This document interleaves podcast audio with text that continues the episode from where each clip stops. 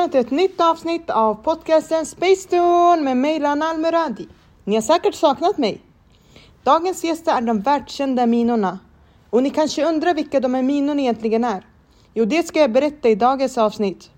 Dessa två forskare vid namnet Minal Dabag och Minal Jaff har kommit hela vägen från Oxford och de har dessutom fått Nobelpriset inom astronomi.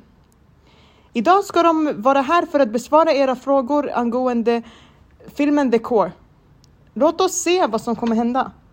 Filmen inleds med en liten grupp människor på ett affärsmöte. En i gruppen, en yngre man, svimmar plötsligt på styrelsebordet. Vid University of Chicago undervisar Dr. Josh, en, en geologiprofessor, sin klass om hur ljudvågor rör sig genom fast sten när han blir kontaktad av två tjänstemän och blir ombedd att lämna med dem. Utan att ställa några frågor. Utanför byggnaden börjar flockar av fåglar krascha in i närliggande byggnader och andra stationära föremål. Han förs till en statlig anläggning där han träffar en vän, Dr. Serge, en kärnvapensexpert. De två står i ett rum, helt förvånade över att se rummet fullt av kroppar täckta i vita lakan. En armégeneral berättar att alla i rummet plötsligt dog i exakt samma ögonblick. Efter några sekunders spekulationer drar Dr. Josh Keys och Serge slutsatsen om att alla offren hade pacemakers. Innan vi fortsätter vidare så ska vi låta våra forskare prata lite mer om det. So, according to what happened in that scene, what all victims had in common was that they had QED pacemakers. Josh Keys, the character in the movie, assumes that there must be a huge power that needs to be created in order to create an electromagnetic pulse that is so strong, but we have never heard of such a weapon. No, we haven't. Ah, det här var intressant. I filmen kan vi även se att världen förändras dramatiskt. I London förlorar flockar av duvor sin förmåga att navigera. De flyger in panikslagna i folkmassor. De smäller in i vindrutan och får förare att tappa kontrollen över sina bilar. So, about the bird incidents. The bird weren't attacking people. They had only lost control because they didn't know how to navigate. And in fact, this didn't only happen in London. 14 Times Magazine reported violent bird swarms, and it happened twice last month once in Australia and then in Japan. So, you might wonder how do birds navigate? Well, they navigate through magnetic fields. They have little ions in their brains, al- brains aligned with the magnetic field of the Earth. That is why they went all ballistic and crazy in the movie. There was something that happened to the magnetic field. Dun, dun, dun. I also want to chime in and say that there's a specific term that caught my attention that has been used quite frequently in the movie, and that's the EM, the term EM. So, what is EM? EM stands for electromagnetic waves. It is created as a result of vibration between an electric field and a magnetic field. In other words, EM waves are composed of oscillating magnetic and electric fields.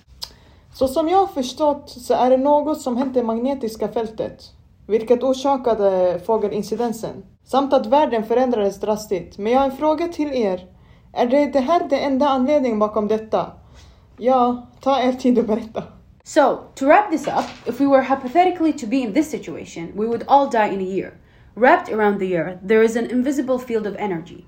It's made up of electricity and magnetism, basically called the electromagnetic field.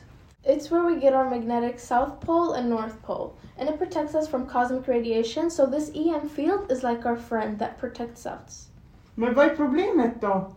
This field is basically falling apart. Men varför är det så? Okay, so to illustrate what would happen on the Earth if the fields fall apart, we can picture this experiment.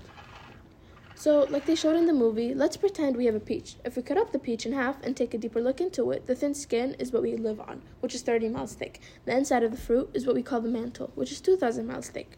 The core, which is the peach pit, peach pit in the center, that's tri- the tricky part.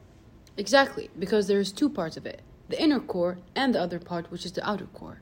The inner core is like a chink of iron, we think. Yeah, and it's surrounded by the outer core, which is liquid. But the most important thing is that the liquid is constantly spinning in one direction. So, a trillion tons of hot metal spinning at a thousand miles an hour. So, according to basic knowledge, hot metal moving fast makes an electromagnetic field. And we can therefore say that the spinning liquid outer core is the engine that drives the EM field. And that's where we have our problem. The engine has stalled and the core of the earth has stopped spinning. Så uh, hur kunde detta ha skett? That's the mysterious part. As the EM field becomes more and more unstable, we will start seeing isolated incidents. One plane will fall from the sky, and then another, and another. In a few months, anything electronic will be fried.